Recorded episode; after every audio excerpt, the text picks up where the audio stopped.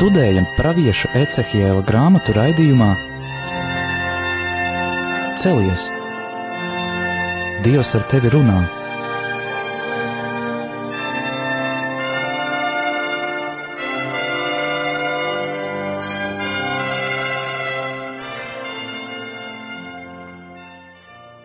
Slavēts Jēzus Kristus, mūžīgi mūžos slavēt, Tadijā Stēle, un Anģela. Šodien mēs atkal dodamies ceļā, kurā vēd pravietis Ecehils, un ceļamies, lai klausītos Dieva vārdu. Pagājušā reizē mēs runājām par pravieča uzdevumu, un to, ka šis pravietiskais uzdevums attiecas uz mums visiem, lai kā arī tas nepatiktu, pamācīt savu tuvāko un atgādināt viņam par dieva likumu, ja viņš to ir pametis un to vairs nepilda. Un mēs atradām arī to, ka pravietis Ecihels aicināts runāt uz saviem tautiešiem, nerunā pats no sevis, viņš runā to, ko Dievs viņam liek izrunāt. Atradām arī to, ka Dievs nepriecājas par bezdievja nāvi, un tas vēl lieku reizi parāda pat tādu mūsu attieksmi, ka Dievs nepriecājas, bet mums reizēm izsprūg tas prieks, aha, re, viņam tā vajag, un varam atcerēties, ka jau lasījām par tām tautām, kas priecājās par izredzētās tautas nelaimi, un tāpēc gāja bojā. Un redzējām, ka šis pienākums atgādināt prasa lielu pacietību. Tā tad ir diezgan grūts, un ka klusēšana par to, ka tuvākais atkrīt no dieva likuma un viņa nepilda, ir pielīdzināta pat slepkavībai, jo dievs saka, tad tā cilvēka asinis es atprasīšu no tavas rokas, ja viņam nebūs pateikts, ka viņš ir aizmirsis par dieva likumu. Bet šodien jau mēs runāsim tālāk par to, kāds tad īsti ir bijis Ecihēla adresāts. Un vēl, ko es pagājušajā reizē neminēju, bet šeit ir interesanti arī tas, ka 33. nodaļā ir norāde uz to, ka tagad, jau kad Jeruzalem pat ir gājusi bojā, pravieša mute paliek atdarīta, tāpēc, ka es pēc tam nekad vairs nebiju mēms, jo šķiet, ka viņš jau nebija tur mēms, bet acīm redzot, tas ir norādījums uz to, ka tās apkārtējās tautas, arī Ēģipte, viņš ir brīdinājis, sūtot kādu rakstisku paziņojumu. Cīm redzot, tas nav noticis runājot, jo viņš nevarēja par šo laiku aizceļot uz Ēģipti un vēl, vēl kaut kur tālāk. Bet šodien jau mēs pievērsīsimies tam, ko jau nedaudz iepriekš teicu, par ko būs runa, par šo pasludinājumu pret ļaunprātīgiem Izrēla ganiem. Un kas tad tie tādi ir? Vai, attiec, vai tas attiecas tikai uz tā laika garīgo kārtu, vai šis jēdziens par to ganīšanu un gana ļaunprātību, jo nevēlēšanos un negribu pildīt savus uzdevumus ir saprotams plašāk.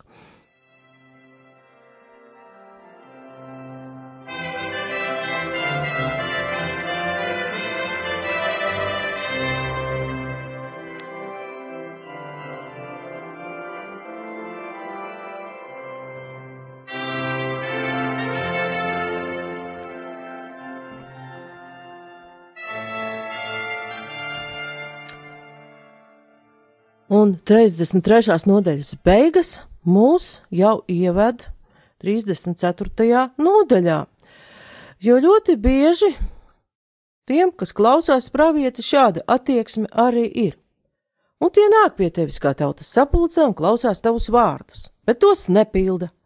Tie ir mīlīgi ar savu muti, bet viņu sirdis dzenas pēc mantas. Redzi, Tu esi tiem kā jauka dziesma, kā tāds, kam skaista balss, kas jauki mak spēlēt cītaru. Tādēļ tie klausās tavus vārdus, bet tos nepilda. Bet, kad notiks, kam jānotiek, un redzi, jau notiek, tad tie redzēs, ka pravietis ir bijis viņu vidū. Un šo tekstu jau varam pat attiecināt uz tiem ganiem, kuri ganījuši paši sevi, vai ganiem nebija avis ganīt. Jūs viņu pienu gan dzerat, ar viņu vilnu ģērbjaties un kaujat taukās, bet jūs avis neganāt. Drusciņ jau iepriekšējo reizi analizējam šo tekstu Krievu valodā, ka krieviski pat skan tās vājās jūs nestiprināt.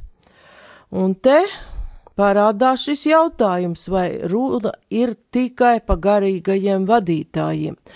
Nu, Ecehils iespējams vairāk šo tekstu attiecināja uz garīgo vadību, kuriem ir jāatgādina, bet tajā laikā Izrēlā valdnieks un garīgā kārta bija ļoti cieši kopā. Jāatzīst, ka arī Eiropas vēsturē mēs redzam ļoti ciešu baznīcas un laicīgās varas, laicīgo valdnieku koeksistenci, kas nevienmēr ir devusi labus augļus, jo jo papētīt viduslaiku vēsturi dažkārt valdnieks pateica, kuru bīskap nozīmēt un kuru pāvestu iecelt, un jāatzīst, ka padomju savienības valdīšanas laikā arī Romas pāvests nevarēja iecelt bīskapu tieši kā gribēja, bet bija diezgan kārtīga tirgošanās ar padomju savienības laicīgo varu. Un vēl mēs šo vārdu varam saprast, kā tādu, kas runā uz tiem, kam šodien ir vara, uz laicīgajiem vadītājiem, arī Latvijas vadītājiem, uz tiem, kam ir vara un iespējas sadalīt finanses dažādām nozarēm.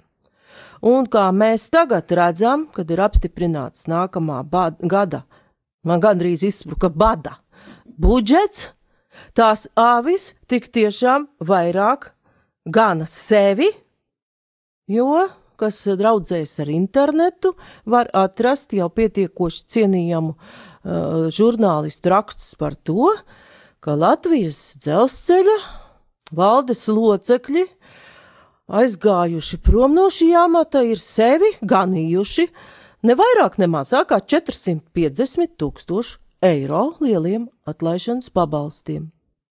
Nu, labi, ganījuši. Bet kas tad tiek tām vājajām un slimajām avīm? Trūcīgajiem valsts iedzīvotājiem, slimajiem, bezspēcīgajiem, par kuriem jau vecā derība uzdot īpaši rūpēties, un par kuriem rūpēties uzdod arī pats Kristus norādot to kā vienīgo kritēriju tiesas dienā, jau daudzkārt pieminētajā Mateja evaņģēlijā 25. nodaļā, vai tu esi rūpējies par to vājo, aizgājis pie tā cietumā, vai tu esi devis ēst izsalkušajam un aizgājis pie slimā, nu šobrīd ir tā, ka mūsu laicīgie gani pie slimā iet sekojušā veidā.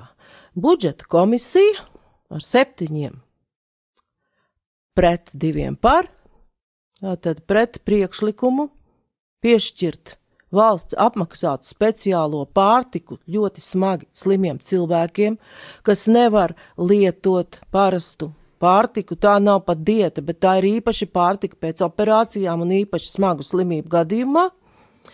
Šī komisija ir izlēmusi, ka viņa šīm vājajām avīm naudu nedos.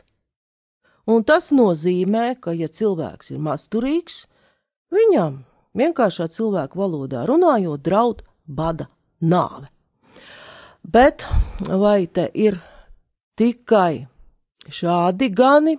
Pie ganiem mēs varētu pieskaitīt arī nu, tiesību sargu. Viņš tomēr par šo lietu runā un muti ver vaļā ka tā ir būtiski pārkāptas cilvēktiesības, jā, un ir pārkāptas satversmē nostiprinātās un pirmkārt jau dekalogā nostiprinātās cilvēku tiesības uz dzīvību.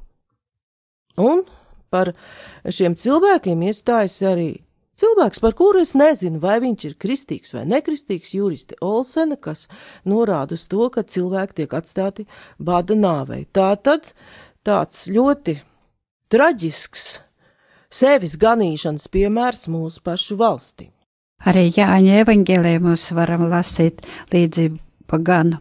Patiesi, patiesi es jums saku, ka savju kūtī neiet pa durvīm, bet kāpj iekšā pa citurienu, tas ir zaglis un laupītājs.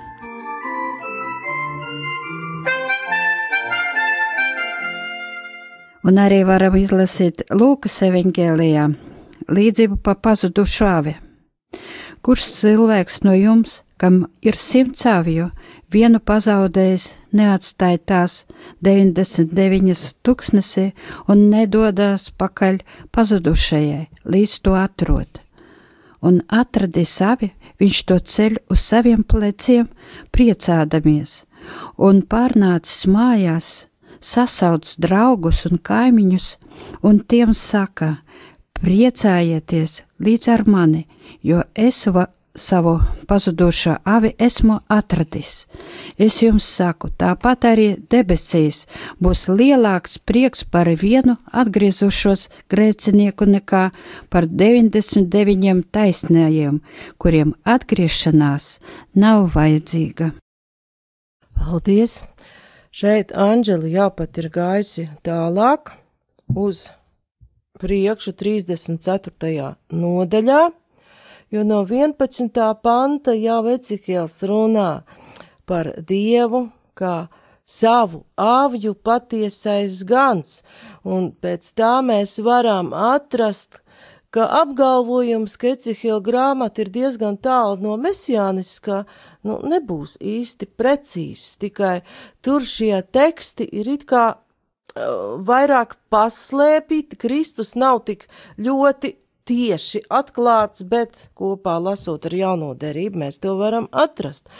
Un tur gan Kristus vairāk runā par ieiešanu debesu valstībā, par avs vadīšanu pie likuma kunga vārda ganībām, bet ja mēs paskatāmies uz Dieva vārdu visas Jēzus dzīves gaismā, viņš ļoti prata līdzsvarot rūpes par cilvēka laicīgo labklājību un arī viņa garīgo labklājību. Viņš redzēja cilvēku kā vienu veselu būtni, kuram ir miesa, kuram ir gars, kuram ir dvēsele, kurš ir radīts pēc dieva līdzības, un kā par tādu viņš rūpējās un ar savu paraugu aicināja to darīt arī tiem, kam ir laicīgā un garīgā vara.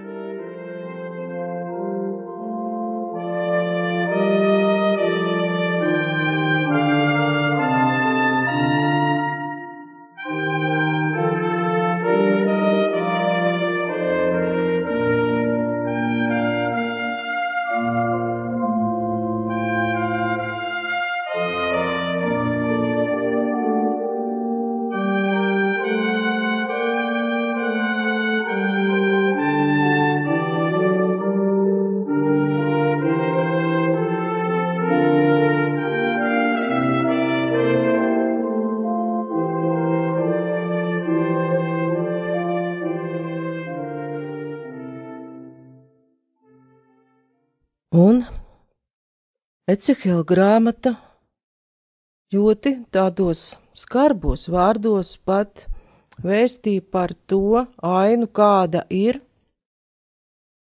kad Kristus labais gans iet meklēt to pazudušo avi. Vājās jūs nepaceļat, rīkojieties varmācīgi un nežēlīgi, kā tas var izpausties es jau raksturoju šo ļoti īso piemēru, diemžēl, no mūsu pašu Latvijas situācijas. Tad tās izklīda, tāpēc, ka tām nebija gana, un izklīdušas tās kļuva plēsīgiem zvēriem par barību un pazuda. Un atkal šis piektais pants, tad tās izklīda, atklāja diezgan nepatīkamu realitāti arī par mūsu valsti. Cilvēks var pamest savu reliģiju, viņš var pamest savu ticību, ja tur neatrod garīgo vadību, un ja viņš nevar uzticēties laicīgajam valdniekam, ko viņš dara, viņš pamet valsti.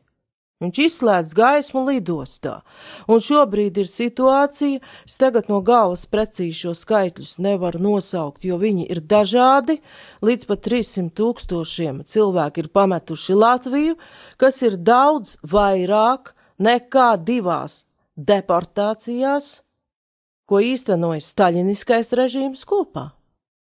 Tātad Gans nav bijis uzdevumu augstumos Un jāteic, ka mūsu ganiem tas viss ir daudzkārt atgādināts, un to ir atgādinājuši baznīcas vadītāji, kā tas bija arī šogad, 18.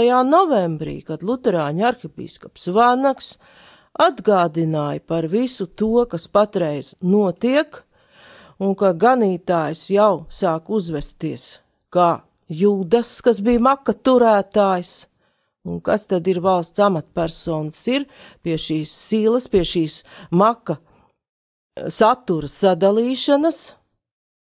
Un tik tiešām mūsu valdītāji visi smuki sēdēja rindiņā un klausījās šo uzrunu kā skaistu dziesmu, kā Dievs ir runājis uz pravieti Ecihēli jau, ka klausās savus vārdus, bet tos nepilda.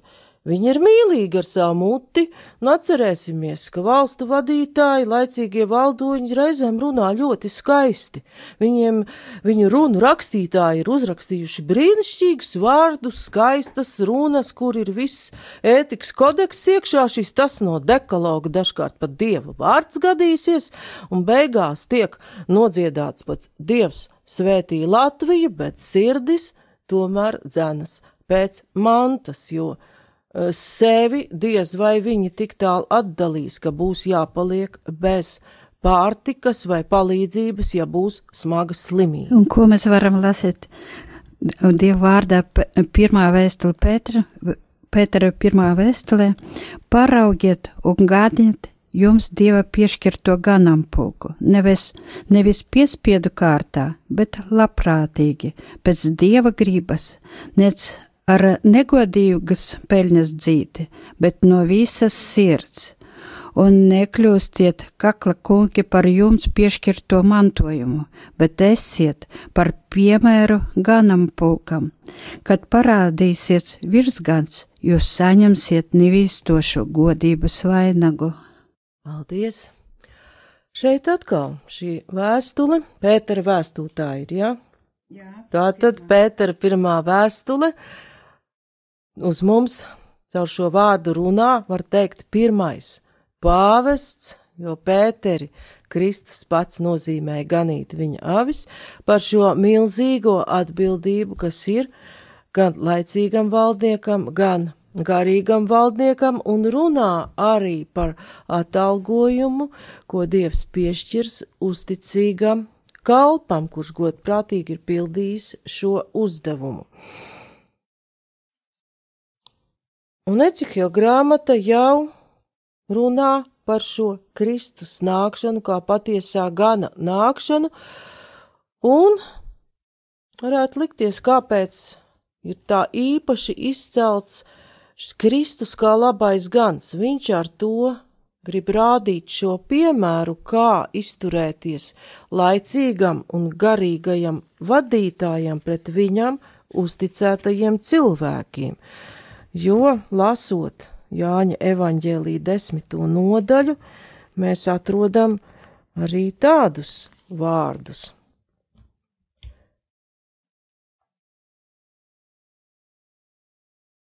Vienpadsmitā pantā es esmu labais gans.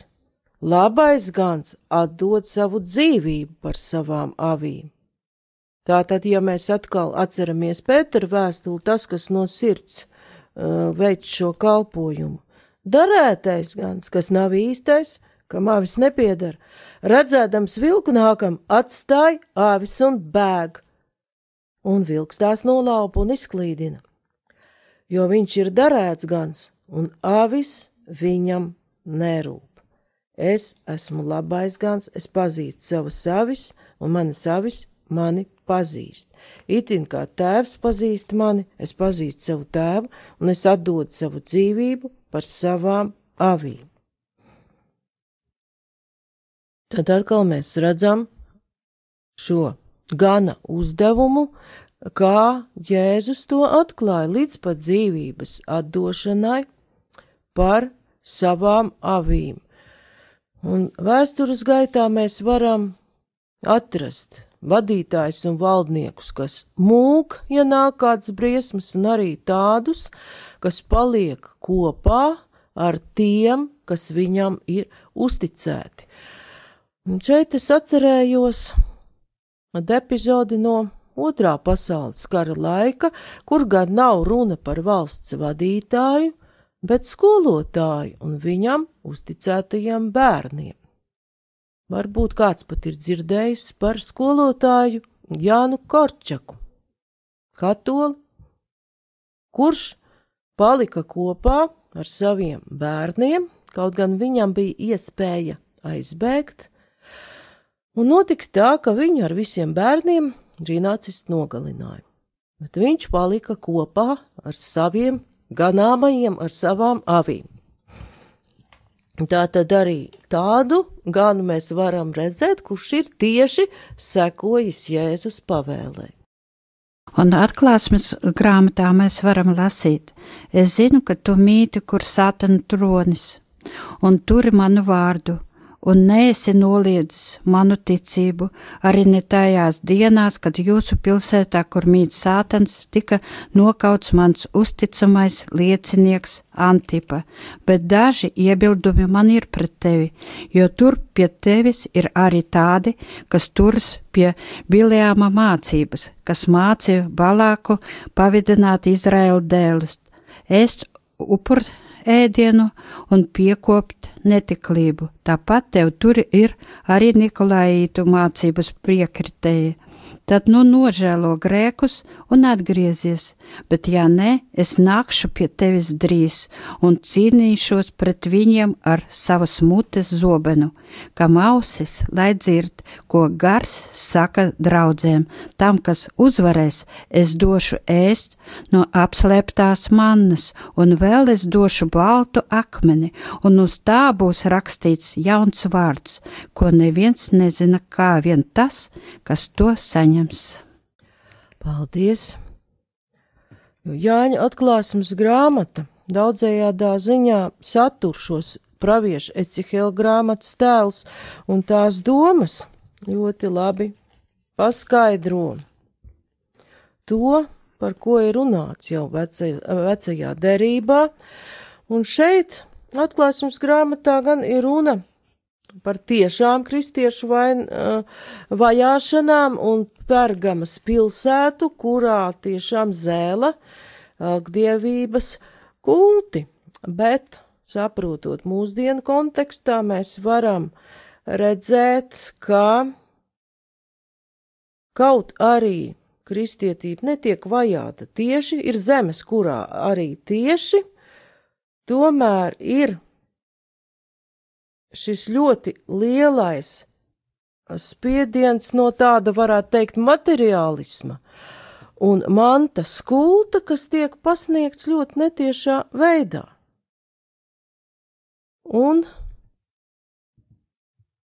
tā vilinājumam ļoti vienkārši var pakļauties jau tas laicīgais vadītājs un var pakļauties šīm laicīgās varas un ideoloģijas spiedienam, ka pirmajā vietā visur ir un noteicošais ir materiāls, arī garīgā vadība. Tad Pergamas draudzē šis vēstījums norāda uz šo ganiem, jāsaka arī viņu sekotāju risku pakļauties. Te ir teikts elgdievībai ēst elku upurus un piekopt netiklību. Mūsdienās elku upurus tieši varbūt neviens vairs nēd, bet tur ir arī norāde uz to, ka acīm redzot šie pergams draudzes locekļi ar muti varbūt bija pat vēl joprojām kristieši, bet ielaidās ar tur valdošajiem kultiem, algdievībajiem zināmos kompromisos, lai saņemtu pat kādu konkrētu o, labumu. Un te mēs lasām aicinājumu atgriezties. Jā, katram. un tur ir tieši šis aicinājums atgriezties, ar ko kungs norāda, ka vienmēr ir šī iespēja atgriezties, jeb mainīt nostāju, un tāpēc arī Ecihielam ir dots tas uzdevums kā tādai, nu, varbūt pat tādai uzmācīgai vistai, kas jau apnīk kladzināt un kladzināt par dieva likumu, atgādināt to, lai cilvēki atgrieztos, jo mēs jau iepriekš esam atraduši, ka arī viss tas sots, dievs to pieļauj pēc ļoti daudziem brīdinājumiem, lai panāktu tautas atgriešanos, lai viņas savāktu labās ganībās jo viņš apsola tālāk būt savu, savu avju patiesais gans, ko mēs vispilnīgāk redzam Jāņa evaņģēlī desmitajā nodaļā. Kad saka, Dievs, tas kungs redzi, es pats tagad rūpēšos par savām avīm. Es tās izvedīšu ārā no tautām un salasīšu tās pa dažādām zemēm un aizvedīšu tās atpakaļ viņu pašu zemē. Es tās ganīšu Izraēla kalnos un lejās visos apdzīvotos zemes novados. Es tās ganīšu labās ganībās, un augstajos kalnos būs viņu ganāmās vietas Un, ja mēs atceramies atklāsmes grāmatu, tad redzam, ka pilsētai ir daudz vārtu, kopā 12, un tur saiet tautas no visām, visām zemes malām. Un arī varam izlasīt uh, Mateja evaņģēlijā. Jēzus gāja pa visām pilsētām un ciemiem, mācīdams viņu sinagogās un sludinādams valstības evaņģēliju, un dziedinādams visas slimības un kaitas, un redzēdams ļaužu pūli, viņš iežēlojās par tiem, jo tie bija novārguši un pamesti kā avis, kurām nav gana, Tad viņš sacīja saviem mācekļiem: Pļaujamā daudz, bet strādnieku maz. Tādēļ lūdziet pļaujas kungu, lai viņš sūta strādniekus savā pļaujā. Paldies! Un šīs teksts jau pieved mūs arī pie tādas lietas kā situācijas baznīcā. Jo mēs redzam, ka patreiz arī ir liela neizpratne par pāvesta Franciska teikto. Ir daudzi, kas labprāt, jā, arī lielvalstu vadītāji viņu labprāt klausās, labprāt visam piekrīt, bet ar pildīšanu ir kā ir, un diemžēl, kas varbūt jau ir cits temats, bet pēc Amazonas sinodas mēs redzam, ka pat viņam ir tieši pretinieki, uh, un pilnīgi iespējams, ka arī kādu savu interešu dēļ, kas negrib iet ārā no vecās kārtības, negrib saprast pāvesta pravietisko vēstījumu, kuriem iespējams nav ērti atzīt, ka ir nepieciešama gan katra individuāla atgriešanās, un tieši ar to viss sākas, bet ir nepieciešams arī rūpes par pasauli šī ekoloģiskā atgriešanās, uh, jo drīz mēs visi, jo tomēr mūsu katra līdzatbildība tur ir, būsim zemi jau sabojājuši tik tālu, kā atklāsums grāmatā ir rakstīts, ka viena trešā daļa ir ūdeņu nelietojamu, zemes neapdzīvojama, un daudz kas no tā, ko Dievs ir radījis, lai mēs varētu dzīvot labi un pārticīgi, ir jau kļuvis bīstams.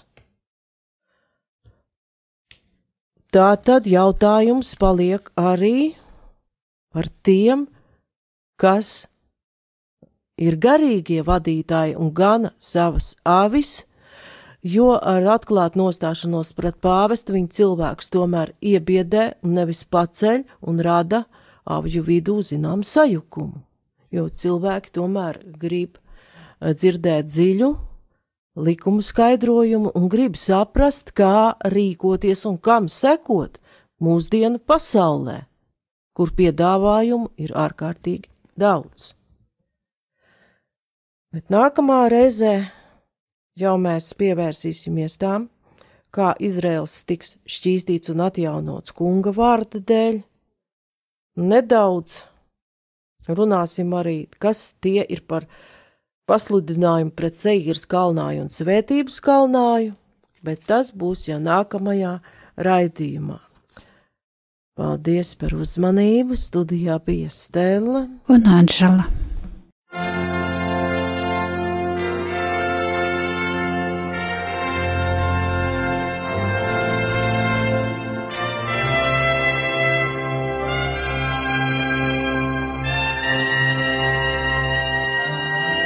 Izskanēja raidījums Celies! Dievs ar tevi runā!